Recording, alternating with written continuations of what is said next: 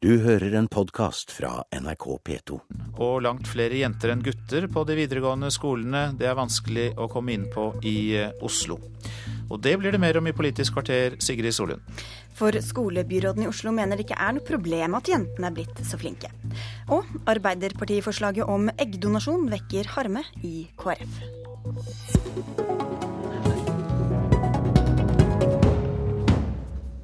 Skal kvinner kunne donere bort eggene sine slik menn i dag gir sæd? Ja, konkluderte Arbeiderpartiets stortingsgruppe med i går. Den gikk også inn for å gi assistert befruktning til enslige, noe som ikke er tillatt i dag. Lene Vågslid, stortingsrepresentant for Arbeiderpartiet. Utgangspunktet er at dere vil ha likebehandling. Hvorfor er det så viktig? I dagens eh, lovverk så eh, er det eh, en urettferdighet mellom infertile kvinner og infertile menn. Arbeiderpartiet ønsker å endre bioteknologiloven slik at den blir mer likestilt og likeverdig. Hvis du som Eh, et par som eh, der infertiliteten ligger hos mannen i dag, så kan vi gå på en fertilitetsklinikk og få eh, sæddonasjon. Hvis infertilitetsproblemet ligger så kvinna, f.eks. som følge av en sykdom eller manglende eggproduksjon, så har vi ikke et tilbud å gi i Norge i dag. I tillegg så syns jeg at det er på høy tid at vi likestiller eggceller og sædceller. Og Norge er faktisk det eneste landet i Norden som har eh, dette forbudet. Arbeiderpartiet har hatt dette standpunktet i mange år, eh, og nå gikk stortingsgruppa i går inn for at eh, vi skal gange for å endre det når vi nå evaluerer bioteknologiloven. Og også gi assistert befruktning til enslige som ikke har vært før. Ja. Hvis vi begynner med det, Håbrekke. Øyvind Håbrekke, du er familiepolitisk talsperson for Kristelig Folkeparti. Hvordan reagerer du på at også enslige skal få rett til assistert befruktning? Ja, det At enslige kvinner, og ikke bare par, skal få assistert befruktning, men at enslige kvinner skal få, det betyr jo i praksis at alle kvinner får assistert befruktning. Eh, og Det betyr at i praksis så får man en slags rett til barn, hjelp fra staten til å få barn, bare i kraft av å ha blitt voksen. Og vi kan jo, I dag så er det jo sånn at unge mennesker de tenker på, drømmer om og håper på å finne seg i en og å slå seg sammen med og, og få unger med. Og Det er en, et håp og en drøm som du har. Vi kan jo tenke oss, Hvis Arbeiderpartiet får gjennomslag for dette, så vil jo den mentaliteten endres. Så vil ikke unge kvinner lenger trenge å håpe eller drømme om, men det er noe du faktisk kan forvente å få. Hvis du ikke finner noe å dele livet med, så vet du at da skal staten hjelpe deg. Så du mister kjærligheten hvis du kan få rett til barn eh, som enslig? Det som jeg tror, og det som jeg spør om, er vil ikke dette endre synet vårt på unger, hele mentaliteten, hele tenkninga, hvis rettighetstenkninga kommer så langt at du har rett til det bare i kraft av å ha blitt voksen kvinne, så vil det endre synet synet på unger. Og hva gjør det med samfunnet, hva gjør det med menneskesynet vårt, og hva gjør det med f.eks. da hvis du får et sykt barn som har et kromosomfeil, eller som lever, la oss si at ungen bare lever i 15 måneder. Da eh, har du da fått oppfylt den rettigheten? Har du fått det du hadde forventa, eller har du ikke? Jeg tror, jeg spør om ikke dette vil endre synet på unger, mentaliteten vår, tenkninga og menneskesynet. Jeg tror kjærligheten vil ha gode vilkår òg i framtida, sjøl om Arbeiderpartiet skulle få gjennom disse gode forslagene.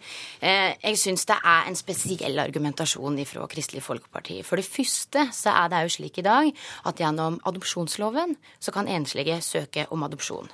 Eh, så her er òg lovverket i utakt. Men KrF er vel imot det òg, da kanskje? Ja, det er det helt sikkert. Det forundrer meg heller ikke. Altså Det som i hvert fall skiller KrF og Arbeiderpartiet i disse spørsmåla, at KrF henger seg seg opp i, i, rettigheter, mens vi er opptatt av å gi folk muligheter. Det er 40 000 ufrivillig barnløse i Norge i dag, eh, og mange av dem eh, får ikke hjelp. Men hva med barns rettighet til å ha en far, da? Hvorfor skal likestilling være viktigere enn det? Det viktigste for barn, det er å vokse opp i en god og trygg heim. I Norge i dag så har vi en mangfoldig familieliv. Ulike familieformer. Noen unger vokser opp hos to mammaer, noen eh, vokser opp med én pappa. Det viktigste vi kan gjøre, er å sørge for at de vokser opp i gode familier. Og så ønsker Arbeiderpartiet å ha en god politikk politikk, både for ufrivillig barnløse, men òg for å få et lovverk som likestiller både kvinner og menn. Håbrekke, og så er det dette med eggdonasjon. Hvordan reagerer du på det? Ja, jeg kan jo bare bekrefte Lene Vågslid, at vi er opphengt i rettigheter. For vi starter alltid disse diskusjonene med ungenes rettigheter. Så setter vi dem først, og så diskuterer vi saken eh, derifra. Og hvis voksne har legitime, sterke ønsker. Forstår godt voksne som ønsker seg unger, har stor respekt for. Men vi må alltid starte disse diskusjonene med ungenes behov og ungenes rettigheter. Og der, der, det er vi opphengt i, det kan jeg bare bekrefte. Ja, ok, Og så var det et spørsmål om eggdonasjon. Jo, eggdonasjon er jo, det er jo sånn fra naturens side at det av og til kan være usikkerhet om farskap, mens morskap, morsbegrepet, har bestandig vært entydig. Nå vil Arbeiderpartiet demontere den eh, entydigheten og få et flertydig morsbegrep, sånn at du har genetisk mor og ei fødende biologisk mor. Og det, og det, ønsker vi ikke vil være et brudd med en kulturell uh, og lang, sterk tradisjon vi har for et entydig morsbegrep. Men jeg har lyst til å nevne én ting til. fordi at når Arbeiderpartiet lanserte dette, f.eks. Anniken Huitfeldt lanserte dette forslaget for litt over et år siden, så sa følgende at vi skal huske på at det å få barn bidrar positivt til nasjonalregnskapet. Så man argumenterer altså med økonomi. Og i samme saken så skal jo da Arbeiderpartiet gå inn for tidlig ultralyd. Ja, men fordi nå holder vi oss til denne saken ja, fordi at det, det, vil føre til at færre barn med Downs syndrom blir født. Ja, okay, og da spør jeg meg hva, hvor er økonomiske tankegangene? Jeg syns rett og slett det er litt ja, vi, ubehagelig. Vi lar det ligge litt, eh, for det ja, men det henger sammen, for det har med tenkninga i saken. Og jeg syns faktisk det er litt ubehagelig å se de to sakene i sammenheng. Men til det første han sa, Vågslid, hva, hva slags forvirring og og usikkerhet tror du dette kan skape hos et barn? At eh, den moren du har ligget inni magen til, er ikke den moren som egentlig ga egget sitt? Jeg tror det er veldig eh, viktig når en skal Altså, hvordan kan jeg si det? Vi får ulike typer eh, familiekonstellasjoner i dag. Og jeg er ikke bekymra for at vi skal klare å ivareta de ungene og sørge for barns beste. Vi fikk disse argumentene imot hverandre når vi kjempa for felles ekteskapslov. Eh, mange mente at eh, stakkars barn som kommer til å bli mobba. Vi som politikere vi skal vite det. At vi har et stort ansvar for hvordan eh, de ungene får det når de vokser opp. Og i de ulike familieformene vi har i Norge i dag, så ønsker Arbeiderpartiet at ungene skal bli behandla og respektert uansett hvordan de har kommet til, og mammaen og pappaen deres er Det regner med at Håbrekke også er enig, men Håbrekke, tror du disse barna det er snakk om får en verre oppvekst eller dårligere liv enn andre barn? Slett ikke, ikke nødvendigvis. Vi har Hvorfor er det da så ille? Unger fødes, og sånn har bestandig vært. Unger fødes inn i ulike familier. Alle er like velkommen uansett, og sånn er det. Men hvis dere tar utgangspunkt i barns rett, hvorfor er det så farlig da? Hvis, de, hvis du tror de like, like, gjerne kan få det godt hos en enslig mor? Jo, fordi vi må spørre oss hva er det som tjener ungene. Ungene er den svake part, og hva er det som tjener ungene? Og for å gå... Men du sier jo at du tror de kan få det like godt hos en sånn familie som Vågslid snakker om? Ja, det tror jeg. jeg tror at de, Alle som ønsker seg unger, eh, uansett hvem du er, så kan du gi ungene en god oppvekst.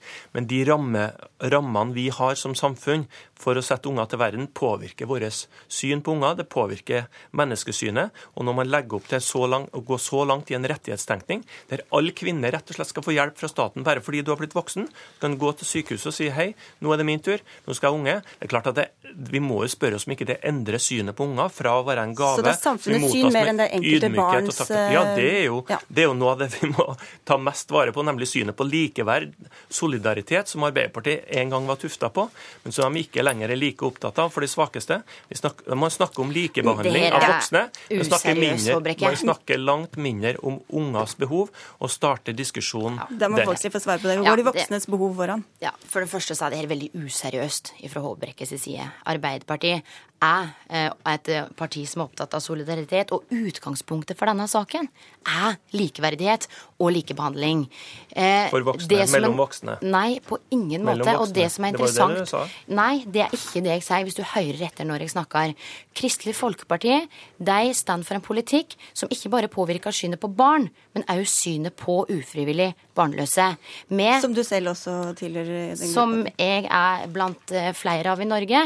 Men det som er viktig å få fram, syns jeg, i denne saken, det er det at vi sier ikke at dette handler om retter. Vi ønsker å gi flere muligheten til å oppnå ønsket om drømmebarnet. Men det blir ikke likebehandling før du har tillatt surrogati, sånn at alle sammen kan få. Du, du innfører ikke likebehandling. Det er bare tull. Og det er mange som frykter at det blir neste skritt, men vi, har, vi, vi, vi har ikke tid til det. Men helt, helt til slutt, Vågslid.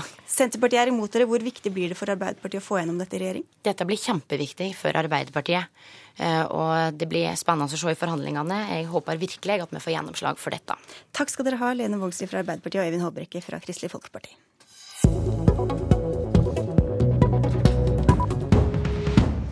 På de videregående skolene i Oslo der det er vanskeligst å komme inn, er det blitt mange flere jenter enn gutter blant elevene. For fire år siden ble det innført fritt skolevalg i Oslo, slik at det bare er karakterer som teller ved opptak. Siden jentene får bedre karakterer enn guttene på ungdomsskolen, kunne rektor Gyri Jerve ved Oslo katedralskole nå telle 67% jenter blant elevene i første klasse studiespesialisering. Jeg har vært her i tolv år, og det har alltid vært flest jenter. Men vi ser at det er flere jenter jo høyere karaktersnitt det er. Så i år er det veldig høyt karaktersnitt for å komme inn, og da er det en høy prosent. Eh, høyere prosent jenter enn det var i fjor. Hvorfor er det sånn at guttene henger etter? Nei, den som visste det. Kanskje de er mer umodne. Ehm, kanskje vi må gå tilbake til barnehagen og skolen, barneskolen og se som, eh, om det er for mange kvinner. Om undervisningen er lagt opp for mye på premissene til flinke jenter. Også Elevorganisasjonen mener det må gjøres tiltak i barne- og ungdomsskolen for å løfte guttene frem. Det sier leder Aksel Fjelldavli. Nei, vi ser jo at elevene fra ungdomsskolen, de som, de som er jenter, har systematisk bedre karakterer enn guttene. Og da, da, må man jo spørre seg om eh, skolen faktisk er tilpassa alle elevene. Hvis det er sånn at ei gruppe i skolen systematisk får dårligere karakterer, da må man spørre seg om det er noen ting som eh, bør gjøres med utdanning i ungdomsskolen. Og noen av elevene i den nye klassen skulle gjerne sett eh, flere gutter. Nei, jeg savner flere gutter. Fordi når jeg er med gutter, så føler jeg meg mer trygg, da. Reporter her var Maria Nakken. Velkommen til Politisk kvarter, skolebyråd for Høyre i Oslo, Torgeir Rødegård. Takk skal du ha. Hva syns du om at kjønnsfordelingen blir såpass skjev på de mest attraktive skolene? Jeg tror vi skal vokte oss for å gjøre til et problem at jenter er flinke. Jeg syns vi skal være glad for at uh, jenter er flinke. Jeg syns vi skal glede oss over alle elever som er, uh, som er flinke. Og så må vi være ambisiøse på alles vegne. Uh, mål må være å løfte alle. Men Betyr det at denne konsekvensen er helt likegyldig for Høyre? Nei, det, det, gjør det ikke. Eh, men vi er, glad for at, eh, vi er glad for at alle elever som får det til, eh, får det til. Så tror jeg man skal være forsiktig med også å blande inn inntakssystemet her. Jeg mener at et karakterbasert inntak er det mest rettferdige systemet. Men det er jo en konsekvens av det inntakssystemet? Nei, det tror jeg er for tidlig å si. Det inntakssystemet Hvis jentene får bedre karakterer og bare karakterer teller, så blir det vel sånn? Jo, men husk på det at alternativet er å ha et inntakssystem som er basert på bosted. og og bostedadressen kan man ikke uh, gjøre noe med. Karakterer kan man uh, påvirke og gjøre noe med. Og Derfor mener jeg at det er det mest rettferdige inntakssystemet, og også et inntakssystem som bidrar til sosial mobilitet.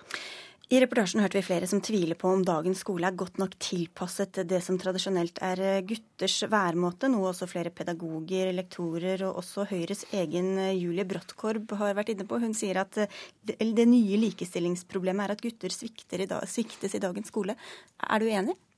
Eh, vi vet jo at jenter leser mer enn gutter og, uh, i tidlig alder. Og uh, jeg tror at det er viktig å få opp leselysten for gutter tidligere. For vi vet at det er en sammenheng mellom det å lese, og da å lese mye forskjellig, interessere seg for lesing generelt i tidlig alder, og det å lykkes bedre på skolen. Derfor så eh, mener jeg at vi må jobbe mye mer med det. Finne frem til litteratur eh, og bøker som gutter har lyst til eh, å lese. Det er én strategi som jeg tror virker.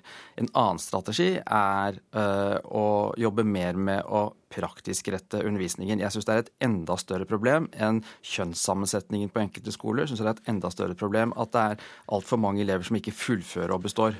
Altså som dropper ut av skolen. Men dere har jo hatt makten i Oslo lenge. Hva har eh, Høyre gjort for å motvirke disse forskjellene, da? Ja, Vi satser på leseopplæringen og trener elevene i leseopplæringen fra første trinn og gjennom hele skoleløpet. Hvilke resultater har dere sett av det sånn kjønnsmessig, da? Vi har jo, Jeg kan ikke legge på bordet at jeg kan ikke dokumentere om dette har hatt noen resultater kjønnsmessig, men det jeg kan dokumentere, er at vi har hatt en fantastisk fremgang i elevenes leseferdigheter eh, de siste åra. Og vi har også, også, en høyere andel av våre elever fullfører og består den videregående opplæringen. Men her er vi jo ikke i mål. Her er det ingen som er i mål. Dette er ting man må jobbe med hele tiden. Det har også vært andre konsekvenser som det har vært mye snakk om de det siste, som at ungdommer med minoritetsbakgrunn, særlig blant guttene, samles på noen skoler. Er det sånn at du mener at skjevfordeling blant kjønn og etnisitet ikke spiller noen rolle, eller mener du bare at det er en uheldig konsekvens, men som ikke kan eh, trumfe de andre hensynene til f.eks. sosial mobilitet? Nei, Jeg mener at det aller viktigste å legge til rette for er sosial mobilitet, og at flest mulig faktisk kommer inn på den skolen eh, de ønsker seg. Eh, og Vi kan nå dokumentere i Oslo f.eks. at med eh, det karakterbaserte inntaket så er det flere som kommer inn på så den skolen de ønsker seg. Så da blir det viktigere enn de andre uheldige konsekvensene som måtte komme? Jeg mener at alle elever skal utfordres, helt uavhengig av hvem de er, hvor de bor, hva slags bakgrunn de har. Det er det vi jobber etter i Oslo-skolen, og det er det jeg mener man må jobbe etter i hele landet. Og det var det vi fikk tid til i Politisk kvarter. Takk for at du kom, Torgeir Rødegård. Politisk kvarter ved Sigrid Solund er ved veis ende, men følg med på P2 utover dagen. Du har hørt en podkast fra NRK P2.